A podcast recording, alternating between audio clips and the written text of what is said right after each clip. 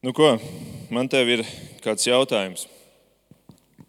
Man te ir jautājums, kur es gribētu, ka uh, tu atbildētu tagad sākumā, un tad svētdienas beigās es tev vēlreiz viņu uzdošu. Labi? Un, uh, tas ir jautājums, kuru es pats neesmu izdomājis. Es viņu uzgāju, uh, gatavojoties šai svētdienai. Um, tas jautājums ir šāds. Ko tu izvēlētos? Vienu miljonu eiro tagad, tūlīt, vai vienu centu, kurš dubultojas katru dienu? Vienu eiro, vienu miljonu eiro tagad, tūlīt, vai vienu centu, kurš dubultojas katru dienu? Protams, mēs tagad varētu rēķināt un tā tālāk, bet, ap, bet bez aprēķiniem tagad uzreiz, ko tu ņemtu, kas ir tas, kas tev šķiet labākais piedāvājums. Protams, tas miljons jau izklausās ļoti pievilcīgs. Ko darīt ar tādu summu? Ja mēs šo summu, šo, šo apmēru tagad pārtulkot uz tādu garīgo sfēru, tad domājot par Dievu un par to, cik Viņš ir vispēcīgs, cik Viņš ir nežēlīgi bagāts, Viņam pieder viss šajā pasaulē, Viņš ir visu zinošs, ka gribās kaut kā tā domāt, ka gribētos no viņas saņemt arī kaut ko tādu lielu, nu, tādu iespaidīgu, nu, tādu miljonus eiro garīgajā valūtā. Un ir īpaši, kad mēs domājam par svēto garu, kas ir Dieva trešā persona, kura, kā mēs Bībelē lasām, ir atbildīga par to, kad kaut kas notiek ar spēku, kad notiek brīnumi, kad notiek tās lielās, varenās lietas tad pilnīgi liekas, ka tam svētajam garam vajadzētu arī mūsu dzīvēm darīt šos lielos brīnumus.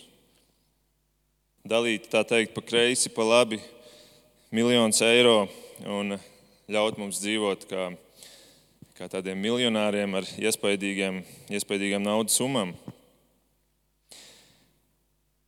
Nevis knakstināties ar centiņiem. Ne? Kā nekā svētais gars bija tas, caur kuru tika radīta visa pasaule, Bībele saka. Viņš līdinājās pa ūdeņiem un radīja to, kas, ko mēs tagad redzam sev apkārt. Svētais gars bija tas, kurš ielika Marijā to sēklu, no kuras izauga Jēzus Kristus. Svētais gars bija tas, kurš vasaras svētkos atnesa tās uguns mēlis. Svētais gars bija tas, caur kuru notiek Jēzus visas dziedināšanas, kuras mēs varam šeit eh, lasīt, kuru ir bijis tik daudz. Svētais gars bija tas, kurš apklusināja to vētru, tad, kad Jēzus teica klusu mierā. Svētais gars bija tas, kurš pavairoja to maizi un zīves, lai varētu paēst tūkstoši. Svētā gara spēks bija tas, kas atgrieza redzi aklajam kas izdzina dēmonus no cilvēkiem, kas pat augšām cēla mirušo lācaru. Un svētā gara spēks, Bībelē saka, bija tas, kurš lika pat pašam Jēzum Kristum augšām celties no mirušajiem. Tie visi kā tādi miljonus eiro, kurus šķiet, lasot šo jauno derību, svētais gars dāla pa kreisi, pa labi, un, un uh, cilvēki apkārt tikai brīnās. Kādēļ es šodien to nesaņemu? Vai es esmu sliktāks? Un kādiem šī doma ir radījusi tādu vilšanos, kura rezultējas pēc tam, ka, tajā, ka, ka mēs mēģinām fiktīvi izspiest šādus brīnumus, radīt viņus un mēģinām pēc viņiem mākslīgi tiekties. Vai arī citiem tas ir pat eh, aizvedis tik tālu, ka viņi ir aizgājuši no ticības dievam, tāpēc ka redz, šodien nenotiek tās lietas tā, kā notika tolaik, tad vai nu tas apraksts ir nepatiess, vai arī šodien kaut kas nav kārtībā. Bet šodienas teksts, kuru mēs izlasījām un pie kura mēs šodien apstāsimies, parāda, ka Dievam ir daudz, daudz lielāks plāns par, par šo domu gājienu, kur es tikko jums izklāju. Jo tagad Dievs šo vareno svēto garu, kurš darīja tiešām visas šīs lietas, darīja šos milzīgos brīnumus un darbojās cilvēku vidū tādā pārdabiskā veidā. Tagad viņš šo svēto garu ir ielicis cilvēkā iekšā. Varētu tā teikt, Svētais gars darbojās ārpusē, un vasaras svētkos Dievs ieaicināja viņu iekšā mājā. Un šī māja, šis templis, esam mēs, kuri esam Dieva bērni. 1. korintiešiem 3.16. teikts, vai jūs nezināt, ka esat Dieva templis un ka Dieva gars jūsos mājo? Tad ir notikusi šāda, šāda liela, liela izmaiņa, šāds jauns pavērsiens Dieva lielajā plānā, tad, kad notika Vasaras svētkos šī, šī svētā gara ienākšana draudzē un kristiešos. Un jā, joprojām, protams, svētais gars turpina darboties arī āršķirīgi ar visādiem brīnumiem, kuri, bet, bet, bet daudz vairāk viņš to dara tagad iekšēji. Āršķirīgi viņš vairs tik daudz nerāda, jo tie, tos brīnumus, kuri izskatās iespaidīgi, bet kuri ir vienmēr tādi pārējoši efekti. Cilvēks, kurš tiek fiziski dziedināts, viņš var atkal saslimt. Viņš turpina dzīvot šo dzīvi, un, un uh, viņš mūžīgi nebūs fiziski dziedināts. Citādi viņš nespētu nomirt. Bet tā vietā Svētais Gars tagad darbojas klusi, iekšēji cilvēkam Toties ar to lielo atšķirību, ka šis darbs ir paliekošs, šis efekts ir paliekošs. Un, uh, tas, ko mēs šodienas tekstā redzam, ir tas, ka Svētais Gars palīdz mums pieaugt un viņš palīdz mums mūsu nespēkam. Un tāpēc tas pirmais teikums, tajā, ko es jums šodien lasīju, 26. pantā, skan, tā arī gars nāk palīdzīgā mūsu nespēkam. Tā ir tā visa, tas tāds ievads, tas lielais virsraksts tai domai, ko šodien mēs apskatām. Tātad, kā svētais gars palīdz mums nespējām?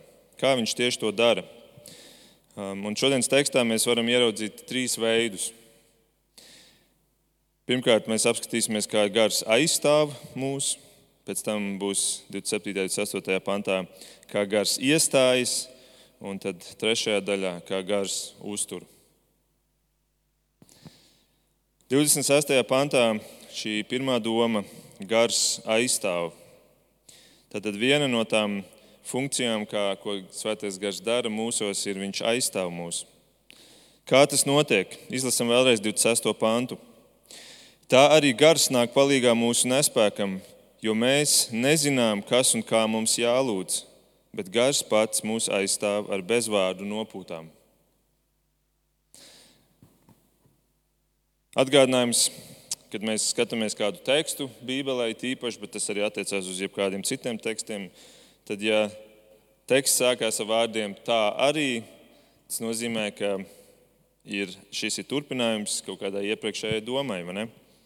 Un, um, ja mēs šeit paskatāmies atpakaļ, mēs arī ar Raimondu iepriekš domājot par tiem iepriekšējiem pantiem, mēs redzējām, ka tur jau notiek divu veidu nopūtas.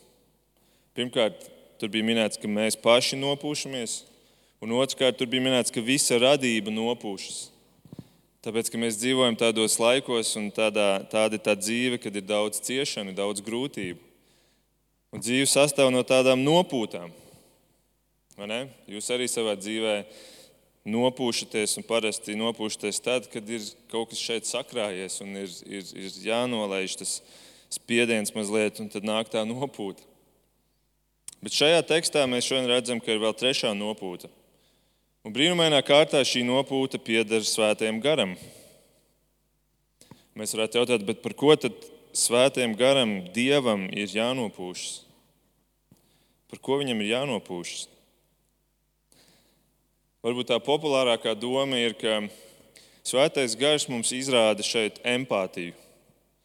Viņš ir tāds nu, iejūtīgs, Un mūsu grūtajā brīdī viņš atnāk, apsēžas mums tepat blakus uz gultas malas, uzliek roku uz pleca un, un smagi nopūšas. Un tas noteikti arī ir patiesība. Svētais gars tiešām ir mums klātesošs, viņš iedrošina, viņš cieš mums līdzi, viņš nopūšas. Tomēr nebūtu pareizi apstāties šeit, jo doma ir daudz lielāka. Un, lai saprastu, lai pareizi saprastu šo, es uzdošu to jautājumu formā. Kad jūs skatāties šo 26. pantu, tad ko svētā gara nopūta šajā gadījumā aizstāja? Kas tur ir minēts? Mēs redzam, svētā gara nopūta aizstāja mūsu nepilnīgās lūgšanas. Pāvils raksta, mēs nezinām, kas un kā mums jālūdz. Tad tā problēma ir tajā, ka mēs cilvēki patiesībā vienkārši runājot, tieši runājot, mēs nemākam lūgt. Mēs nemākam lūgt. Mēs nezinām ne īsti, kas ir jālūdz, ne arī kā lūgt. Kā mums to darīt? Un, uh, Jēzus mācekļi vienā dienā piegāja pie Jēzus un teica, māci mums lūgt. Viņi acīm redzot, mazliet nojauta to problemātiku, ka mēs nemākam lūgt. Varbūt mūsu lūgšanas nedarbojas. Tāpēc māci mums, kā pareizi to darīt. Un Jēzus tur ar to mūsu Tēvs debesīs lūgšanu mazliet ieskicē to virzienu. Un tas virziens ir, ka vispirms, kad tu lūdz, sāc, sāc ar tām lietām, kas attiecās uz Dievu. Un tikai pēc tam otrajā daļā runā par sevi, par savām vajadzībām. Bet ar visu to, ka Jēzus mums to māca caur šo lūgšanu, mēs joprojām to darām ļoti nepilnīgi. Mēs to ļoti ātri aizmirstam. Joprojām mūsu lūgšanas ir ļoti tūredzīgas par šodienu šeit, par, par to, kā mēs tagad jūtamies. Mūsu lūgšanas ir ļoti uz sevi vērstas. Bieži vien tas ir tāds pieprasījumu saraksts, tāds, tāds vēlmju saraksts, wishlists, kurā mēs e-veikalā saliekam preces un tad saglabājam viņu kā tādu vēlmju sarakstu un tad aizsūtam uz Dieva ēpastu. Bet ir vēl viena problēma, ka patiesībā mēs pat īsti nezinām, ko mēs īsti vēlamies. Vai vēl viens soli tālāk, mēs īsti nezinām, ko mums vajadzētu vispār vēlēties.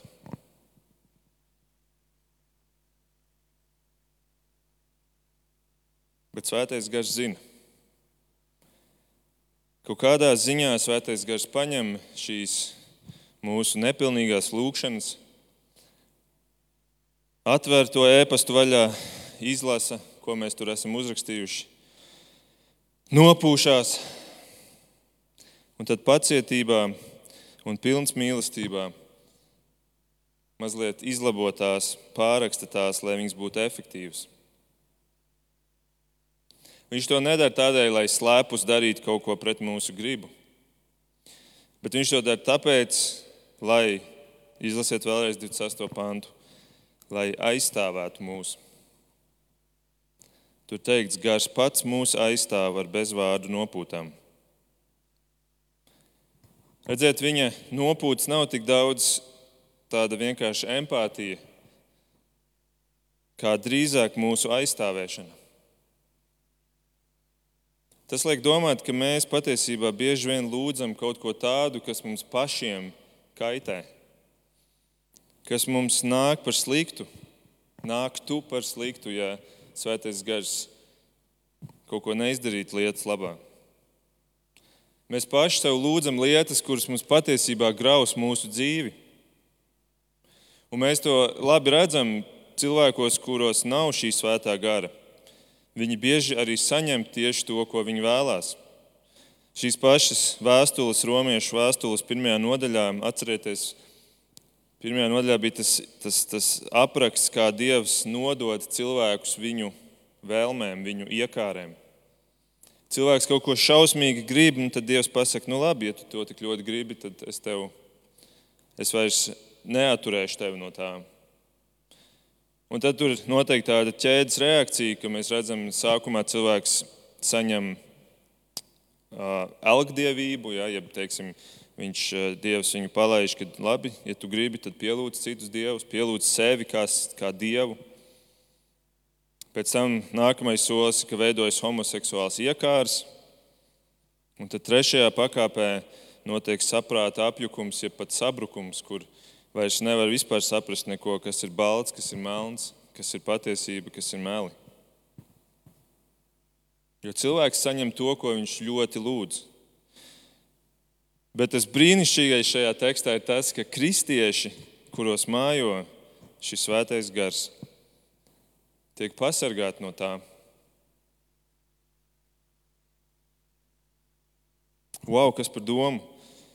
Ka svētais gars ir tas, kurš mūs pasargā no mums pašiem. Mēs šodien daudz ko neredzam, nenojaušam, nesaprotam, jo mūsu redze, garīgā redze ir tik ļoti uh, miglaina. Bet, tā, kad mēs nonāksim tur, un mēs visu redzēsim skaidri, tad mums atvērsies tā bilde, un mēs ieraudzīsim, no kā Svētais Gars mūs tik nav pasargājis. Ko mēs esam gribējuši, mēs varbūt pat esam lūguši Dievam, bet Viņš ir mūs pasargājis no tām tāpēc ka Viņš mīl mūs, mēs esam Viņa bērni. Un tad nav tikai runa par fizisko, bet daudz vairāk ir runa par garīgo dzīvi. Nu, lūk, tas ir viens veids, kā Svētais Gars palīdz cilvēkam, kristietim, viņa nespējā. Ir vēl viens veids. 27. un 28. pantā mēs redzam, ka gars iestājas par saviem par Dieva bērniem. 27. pantā ir minēts. Un tas, kas izpēta sirdis, zina, kas garam ir padomā, tādēļ, ka gars pēc dieva prāta iestājas par svētajiem. Tādēļ mēs redzam otru veidu, un mums varbūt liekas, nu, līdzīgi, vai ne? Aizstāv, iestājas, nu, vai tur ir atšķirība, bet šeit, ja mēs paskatāmies uz to vārdu iestāties, um, tad tas grieķu vārds nozīmē iet satikt. Iet satikt, iet konfrontēt klātienē, ja tā varētu teikt. Jo, protams, svētais gars iestājas daudzos un dažādos veidos, bet šeit ir izcelts veids, ka viņš iet satikt kādu mūsu vārdā, mūsu jautājumā, mūsu aizstāvībā. Kas tas varētu būt, ar ko viņš iet satikties, lai mūs aizstāvētu? No kā ir, jāiz, no kā ir jāizstāv no ienaidniekiem.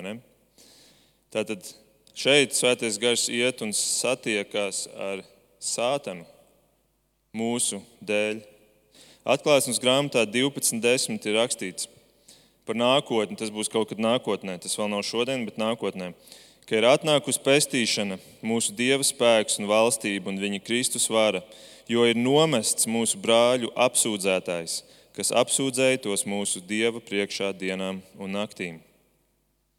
Tad šeit mēs redzam, ka nākotnē šī lieta beigsies, bet šodien katru dienu sātens apsūdz kristiešus Dievu priekšā. Mēs varam jautāt, kā viņš apsūdz, ko viņš tur dara. Viņš apsūdz mūs Dievam visu laiku, uzskaitot mūsu grēkus.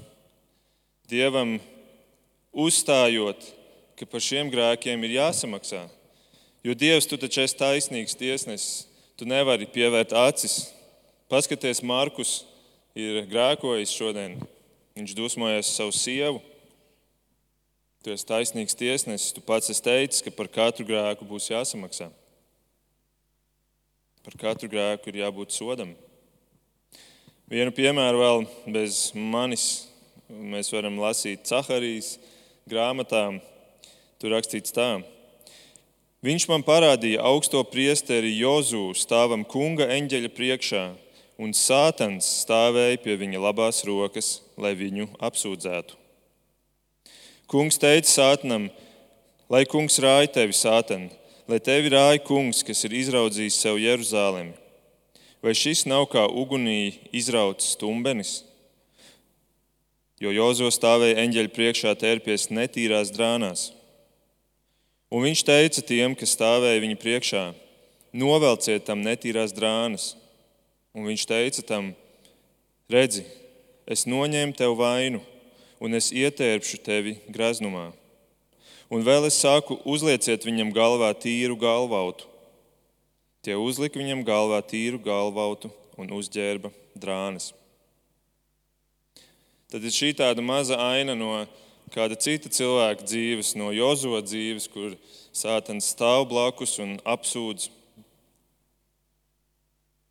Kāpēc viņš to dara? Tāpēc, ka viņš redz mūsu nepilnību, viņš redz mūsu grēkus, viņš redz mūsu netīrās drēbes, kas ir simbols aptraipītam ar grēku. Un viņš pieliek visas pūles, lai atgādinātu Dievam par to, cik šis cilvēks ir netīrs, Viņš atkal šodien ir grēkojis, viņš ir vakar grēkojis, viņš ir aizvakar grēkojis. Tie grēki ir, tur tas saraksts ir tik garš. Bet šis Caharijas citāts skaisti atgādina, ka sātanam nav izredzu. Jo mūsu garīgais cilvēks, tas, kas ir iekšēji garīgais cilvēks, vairs nestaigā ar netīrām drēbēm. Tagad mēs esam saņēmuši tīras drēbes, tāpat kā šeit Jozo saņem tīras drēbes. Mēs esam saņēmuši tīras drēbes, un kura drēbes tās ir? Kuram vienīgajam ir tīras drēbes, nostaigājot šo dzīvi šajā pasaulē? Tas ir Dieva dēls, Jēzus Kristus. Viņš vienīgais to varēja izdarīt, tāpēc ka viņš nav tikai cilvēks, bet arī Dievs. Un tā nu kaut arī fiziskais cilvēks grēko, tas garīgais cilvēks kurš ir Kristus manī, viņš paliek tīrs mūžam. Un Sātans šo domu acīm redzot nav sapratis, jo viņš nav sapratis to, ka cilvēks sastāv no šīm divām daļām. No tā garīgā cilvēka, kurš ir jauns, un no tā fiziskā cilvēka, kurš ir vecs. Un Sātans redz tikai to fizisko daļu. Viņš redz, kā cilvēks ārēji savā miesā turpina krist grēkā.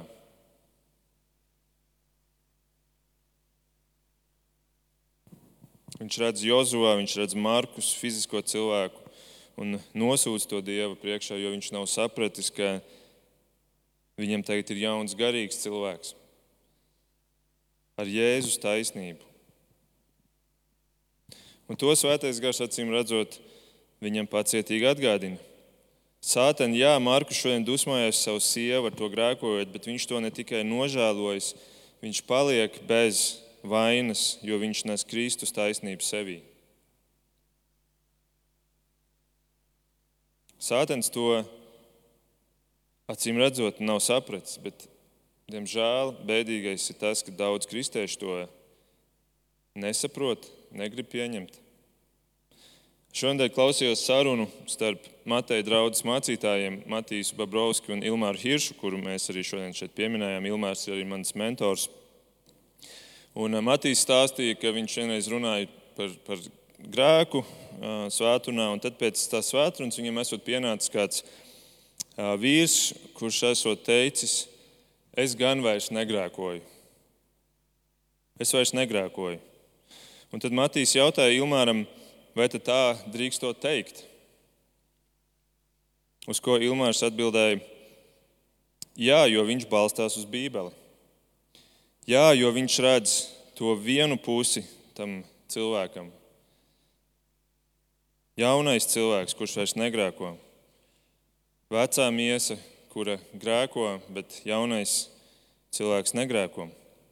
Es šo, lai nav pārpratumi, es šo nesaku ar domu, ka Matīs eh, to nebūtu teiksim, sapratis. Ehm, viņš to uzdeva vienkārši diskusijas ziņā, bet tieši tā arī atbilde, ko Ilmārs deva, um, tik, tik skaidri parāda šīs, šīs divas puses, ka ir tas jaunais cilvēks, kurš vairs negrēko, bet ir vecais cilvēks, mana miesa, kura ir tā vājā daļa manī, un, un es krītu grēkā, bet es to nožēloju, tāpēc ka jaunais cilvēks tiek nožēlot man ne šos grēkus. Sātnam šī doma nav nav acīm redzot pieņemama, jo viņš turpina apsūdzēt kristiešus dienu un nakti, kā mēs lasām. Un, ja kristietis arī dzīvo ar šādu apziņu, tad tas rezultāts ir, ka viņam ir kaut kādā ziņā bailes.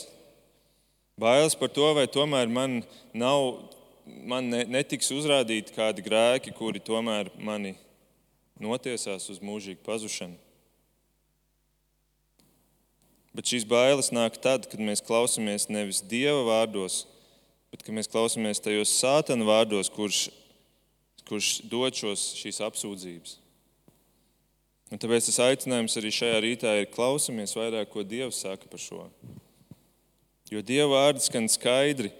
Tiem, kas Kristu Jēzu vairs nav pazudināšanas, tas bija tas, ar ko sākās astotā nodaļa. Šī grandiozā nodaļa Romiešu vēstulē. Tiem, kas Kristu Jēzu vairs nav pazudināšanas. Un šī doma bija tas ievads nodaļai, un mēs joprojām esam tajā pašā domu gājienā. Šeit joprojām ir runa par, par mūsu garīgo dzīvi un mūsu mūžību. Mums nav pazudināšanas arī tādēļ, ka svētais gars iestājas par mums, mūsu nespējā. Viņš iestājas. Un kāds ir rezultāts šai svētā gara iestāšanās? 28. pāns saka, un mēs zinām, ka tiem, kas Dievu mīl un kas pēc viņa iepriekšējā nodoma ir aicināti, viss nāk par labu. Redziet, kāds rezultāts? Viss nāk par labu. Viss ir labs, viss ir labi. Pēdējo reizi, kad mēs varbūt tā skaidri šādu domu dzirdējām, bija ēdene, kad Dievs rada pasauli un Viņš rada uh, dzīvniekus un, un, un augu valstību, un Viņš rada visu pārējo, un Viņš pēc tam saka, ka tas ir labs. Pēc maniem kritērijiem tas ir labs. Un tad Viņš rada cilvēku, un Viņš saka, ļoti labs. Pēc visu Viņš saka, ļoti labs. Un tagad mēs redzam, ka tagad svētais gars tevī iemājo tavā dzīvē sāk atgriezties šīs kvalitātes, tev viss nāk par labu. Ļoti, ļoti, ļoti liels apgalvojums šajā pantā.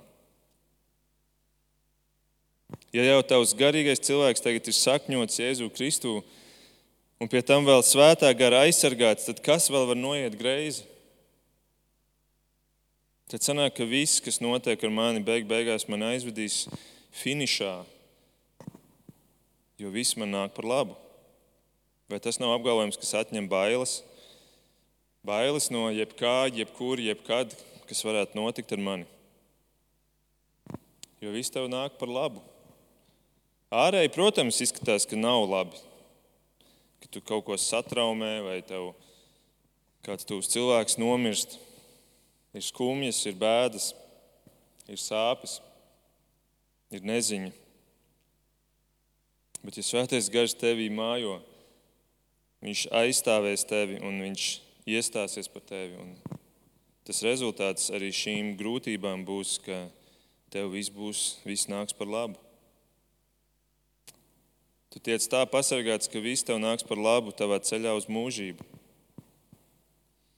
Protams, ar šo pāntu ir jābūt arī uzmanīgiem. Ne? Viņš tik bieži arī tiek izrauts no konteksta un, un um, cilvēki ar viņu mētājas apkārt, nenojaušot, ka viņā iekšā, dziļi iekšā ir paslēpts dinamīts. Jo tikpat labi tad mēs varētu teikt, ah, ja jau viss nāks par labu, tad jau es varu grēkot. Ja jau man viss nāks par labu, tad jau es varu krāpt savu sievu. Beig beigās jau man viss nāks par labu. Atbilde ir, protams, ka nē. Protams, ka nē. Un Pāvils pirms viņš šo teikumu pasaka, viņš iepriekš vairākas reizes ir skaidri un asi šai domai, šim domgājienam pateicis savu stop. Piemēram, 6. nodaļā, pirmie divi panti. Ko tad nu sacīsim? Vai paliksim grēkā, lai vairotos žēlastība? Nē, taču mēs, kas esam nomiruši grēkam, kā lai mēs vēl dzīvojam tajā? Tad tu vairs negribēsi grēkot, jo tu apzinājies, ka grēks bija tas tavs nāves spriedums. Tu ar viņu vairs nevari jokoties, tu nevari ar viņu apieties, it kā tas būtu tāds nieks, jo beig beigās jau viss nāks par labu.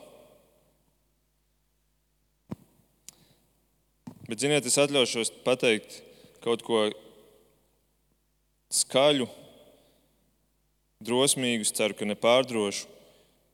Ka pat grēks, kuru tu negribēji darīt un kuru tu nožēlo, beig beigās tev nāk par labu. Es vēlreiz uzsveru, nekādā ziņā Pāvils un es neaicinām grēkot, bet tad, kad tu dzīvo jau ar grēku pagātnē, kas ir noticis ar tām sekām, tad tur droši prāti arī tur tev joprojām ir cerība. Jo pat to Dievs spēja pārvērst kaut kā labā, svētībā. Vislielākais piemērs tam ir Jēzus Kristus, kurš nomira pie krusta cilvēces grēku dēļ. Tas bija vislielākais grēks, ko cilvēks ir izdarījusi. Bet vienlaikus tā bija vislielākā svētība, kuru cilvēks varēja saņemt. Tātad svētais gars ne tikai aizstāv mūs, tas bija pirmais punkts, Viņš arī iestājas par mums, tas ir otrais punkts. Un rezultātā mums viss nāk par labu. Bet šajā 28. pantā ir maza, paslēpta maza atslēga, kas atvērs durvis uz trešo punktu.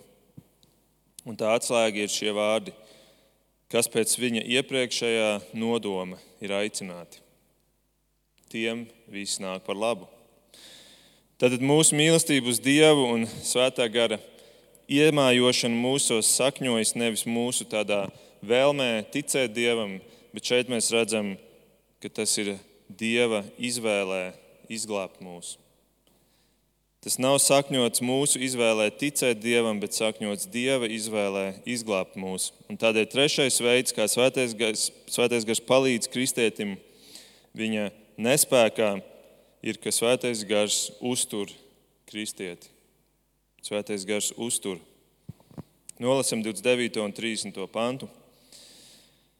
Tos, par kuriem Dievs jau iepriekš ir lēmis, tos viņš arī noteica izveidot līdzīgus sava dēla tēlam, lai viņš būtu pirmdzimtais daudz brāļu vidū. Un par kuriem viņš jau iepriekš ir noteicis, tos viņš arī aicina, un kurus aicina, tos arī attaisno, un kurus attaisno, tos arī pagodina. Citiem vārdiem sakot, ja Dievs kaut ko iesāk, tad viņš to arī novedīs līdz galam. Svētais gars uztur kristieti, lai tas, ko Dievs ir iesācis, tiktu novests līdz galam. Vai jūs redzat šo ķēdi šajos pantos? Par tiem, kuriem viņš jau iepriekš ir noteicis, tos viņš aicina, tos, kurus aicina, tos arī attaisno, kurus attaisno, tos arī pagodina. Tas ir kā tāds brauciens ar vilcienu, kurš ved cauri četrām stacijām. Pirmā stācija saucās Dieva noteikšana. Otrā stācija saucās aicināšana, trešā - attaisnošana, un pēdējā gala punkts ir pagodināšana. Un tā valoda, kādu Pāvils šeit lieto, izsaka ļoti skaidri, ka visi, kuri ir iekāpuši vilciena pirmajā stācijā, aizbrauc līdz gala punktam. Un tas, kurš par to ir atbildīgs, ir Svētais Gars. Viņš uztur cilvēku visā šajā braucienā. Tev kā cilvēkam liekas, ka tas ir tavs darbs. Tas ir, ir tavas gribas izvēle. Bet evaņģēlīja būtība ir tajā, ka Dievs to izdara tavā vietā. Un viss sākās ar to, ka tev vispirms ir jāiekāp šajā vilcienā, un jau tur ir problēma. Tā, tā problēma ir tā, ka tu nemaz negribi iekāpt šajā vilcienā. Tu nemaz negribi, tāpēc ka tu zini, ka šajā vilcienā mājo svētais gars, un šajā vilcienā mājo Dievs, kurš neatbalsta tavu grēku, tavu grēku dzīvesveidu. Kāpēc viņš neatbalsta, tas ir cits stāsts. Tāpēc, ka viņš zina, ka tev tas nāk par sliktu, bet tu pats to nesaproti. Un tāpēc tu nemaz negribi kāpt tajā vilcienā iekšā. Sāksim ar to, jo tu mīli savu grēku, tu mīli to grēka baudu, kuru tev sniedz šis grēks.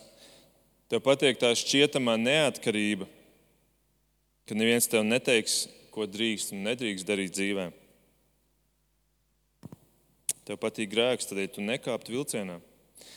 Bet tikai tādēļ, ka Dievs jau tevi apžēlo un izmaina tavu sirdi, tādēļ tu spēj iekāpt šajā vilcienā.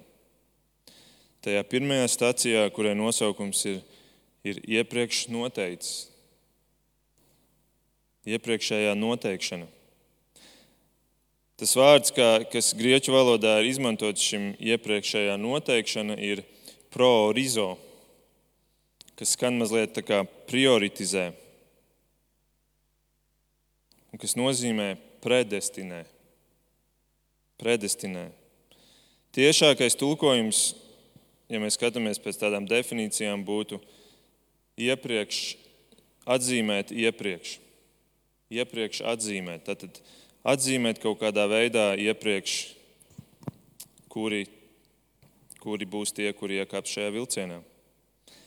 Un mums to ir grūti saprast, tāpēc ka tas ir pāri mūsu saprātam, bet mēs atsaucamies Dieva aicinājumam, un mēs iekāpjam, un mums tajā brīdī liekas, ka mēs esam izdarījuši šo lielisko, gudro izvēli, lai tikai pēc tam realizētu, ka patiesībā Dievs ir gājis tev pakaļ, tevi apžēlojis, tev piedevis, tev izmainījis tavu sirdi, un tāpēc tu spēji iekāpt šajā vilcienā. Un tie, kuri ir atzīmēti iepriekš un iekāpuši šajā vilcienā, tie arī tiek aicināti Mēs, protams, zinām, visa pasaule tiek aicināta, bet lielākā daļa cilvēku ir vienaldzīgi un viņi neatsauc šim aicinājumam. Bet šie cilvēki atsaucas, viņi ir spējīgi atsaukties. Un tādēļ viņi tiek attaisnoti. Ko nozīmē attaisnoti? Mēs jau runājām, ka Sātans tevi visu laiku apsūdz. Bet Dievs noklausās Sātana apsūdzības par tevi un beigās saka, lietā starp Marku un Sātanu, kurā Markus ir apsūdzēts 24 triljonos pārkāpumu, visos tiek attaisnots. Un tu šeit vari ielikt arī savu vārdu un paklausīties, kā tas izklausās. Bet Dievs pasaka, tu esi attaisnots, tev ir taisnība. Un nevis tādēļ, ka tu esi labs cilvēks, bet tādēļ, ka tev ir labs Kristus, ar kura taisnību tu esi ieradies uz šo tiesas sēdi. Un tad šeit Pāvils saka, tie, kuri ir attaisnoti, tie kādu dienu tiks pagodināti. Tie saņems to lielāko, ko cilvēks var saņemt šajā dzīvē - pagodinājumu. Tu jau esi nežēlīgi pagodināts, ja tu dzīvo ar Svēto garu šajā dzīvē. Mēs par to runājām iepriekš. Un vēl Jēzus taisnība guļ uz tavas ādas bet tu tiksi vēl vairāk pagodināts, tad, kad tu ieiesi mūžībā ar Dievu. Un, lai tas varētu notikt, lai tas tiešām varētu notikt, Svētais Gars tevi uztur. Cilvēki dzīvo, kristieši dzīvo ar tādu apziņu, ka jā, evaņģēlijs bija tas, kurš mani izglāba bez maniem nopelniem, bez maniem darbiem. Bet tagad man ar saviem darbiem ir jānoturās līdz galam. Evanģēlijs bija vajadzīgs, lai es sāktu ticēt, bet tagad man ir pašam jā, jācīnās. Dievs šeit, šajā rakstvietā, pasaka, ka, ja Dievs ir uzsācis šo darbu, Viņš parūpēsies, ka Viņš novedīs to līdz galam. Tā ir arī viņa atbildība. Un tas ir tas evaņģēlijs, ka arī bez taviem darbiem, bez tava nopelna, tu tiec pasargāts un novest līdz galam. Tātad šie trīs veidi, kā svētais gars palīdz nespējām. Viņš ne tikai pārvērš tavas nepilnīgās lūgšanas, pilnīgās lūgšanās. Viņš ne tikai iestājas par tevi tur, kur tavi grēki tiek skaļi saukti Dievu priekšā, bet viņš arī tevi uztur, lai iesāktais darbs tiktu novests līdz galam. Tālūk, Svētais Gars palīdz kristētim viņa nespējām. Un noslēgumā es vēlos tev vēlreiz jautāt, ko tu izvēlies? Ko tu izvēlies? Savu miljonu vai svēto garu? Svēto garu, kurš tev varbūt dod tos centus, tā tev šķiet, bet šie centi dubultojās Un varbūt kāds no jums, kuram šī svētdiena likās garlaicīga, savā prātā sāka skaitļot un rēķināt, cik ātri es varu nopelnīt ar šo centu dubultošanos savu miljonu. Bet atbilde ir tā, ka tev jau pēc viena mēneša makā būtu 5 miljoni eiro. Ar to vien, ka tev šis centiņš dubultojas. Un es ticu, ka tā darbojas arī svētais gars. Viņš nedara varbūt šodien tos milzīgos brīnumus, jo tam bija sava funkcija, savs laiks, lai cilvēki vispār ticētu, ka tas ir Dieva darbs. Šodien Svētais Gars darbojas mūsos, kas šķiet kā tāds mazs, kluss darbs, lēnam iet uz priekšu, bet tas tev ved vienā virzienā. Tas tev ved pretī bagātībām, tas tev ved pretī garīgai bagātībai. Tas tev ved stabili uz priekšu, efektīvi tas tev pasargā. Varbūt tas nav tik spoži kā tas miljons, kā tās fiziskās dziedināšanas, bet tomēr tā ir tā klusā, garīgā dziedināšana, kur tu saņem katru dienu. Tas varbūt nav tik spoži kā tā brīnumainā maizes un zivs pavairošana, bet tā ir tā klusā garīgā maize, kur tev katru dienu tiek dota Dieva vārds, kas tevi uztur dienu no dienas. Tā varbūt nav tā brīnumainā vētru apklusināšana. Toties tā ir tavs vētrainais garīgās dzīves ieviešana pilnīgā mierā, kur nevar izšūpot tie ārējie trakumi, kas tev notiek apkārt arī šodien. Un šī dzīve ar Svēto garu ir tāda, kur šodiena tev būs labāka par vakardienu, un rītdiena labāka par šodienu. Ja tu tici tam, ko Dievs saka, un lai Svētais gars palīdz mums tiešām tam noticēt, klausīties viņā vairāk, un lai mēs varam paši tikt svētīti un arī svētīt citus. Lūksim Dievu. Debes Tēvs, paldies par Tavu vārdu. Paldies, Kungs, ka Tu mums esi devis to, ko Tu gribi mums dot, ko Tu zini, kas mums ir vajadzīgs. Tik daudz, kas mums apkārt runā, mums čukst ausīs, mums kliedz virsū ar, saviem, ar savām nostājām un viedokļiem. Arī kaut kur sātans ir ar savām apsūdzībām. Bet, Kungs, caur Tevi, Jēzu, mēs varam dzīvot to dzīvi, kādu Tu esi paredzējis. Tu, Jēzus, gribēji, ka svētais gars ienāk mūsos. Paldies par to. Paldies, ka caur to mēs tiekam pasargāti, ka caur to mēs spējam saprast, ko Bībele saka. Caur to mēs spējam ticēt tam, ka Tu mūs ved un vedīsi arī dažreiz caur ielām, caur varbūt pat nāves un tumsas ielām. Tomēr tas viss mums nāks beig beigās par labu. Es tev lūdzu par katru, kurš šodien vēl nav devis savu dzīvi tev, kungs, ka tu pārliecinātu katru cilvēku ar to mīlestību, kuru tu jūti un, un arī esi izrādījis pret katru no mums. Ka tu pārliecinātu ar to, ka neviens miljons šajā pasaulē, vienalga vai tā ir karjera vai slava vai vai kādas dzīves baudas, ka nekas nespēs stāvēt blakus tam, ko tu vēlēsies dot mūžīgi. Lūdzu, kungs, palīdzi pārvarēt šo, šo nevēlēšanos atteikties no grēka. Lūdzu, esi tu tas, kurš salauž šīs cietās sirdis un ļauj tai gaismai ienākt. Bet es tev lūdzu arī par katru, kurš jau ir devis savu dzīvi tev, kurš sauc sevi par Dieva bērnu, kungs, ka mēs vairāk klausītos tevī un nevis nevis tajā mūsu pretiniekā. Ka mēs gribētu dzirdēt, ko tu gribi teikt, ka mēs iemīlētu tavu vārdu, kungs. Un ka tas būtu tas, kas, ko mēs varam likt pretī visām tām sliktajām emocijām un sāpēm un, un visu tā pārējā, ko mēs jūtam un jutīsim šajā dzīvē. Ka mums būtu tas spēks, ko nolikt blakus un pateikt, ka es Es ticu, ka arī šis man nāks par labu. Es ticu, ka Dievs joprojām zina par mani.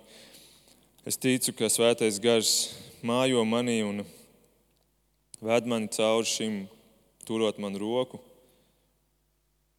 Lūdzu, Kungs, dod, ka mēs izmantot šo Tevis doto iespēju, šo instrumentu, šo Tavu vārdu, lai tiešām varētu dzīvot svētīgas dzīves un arī svētīt citus. To visu lūdzu Tev, mūsu mīļākā kunga Jēzus vārdā. Amen.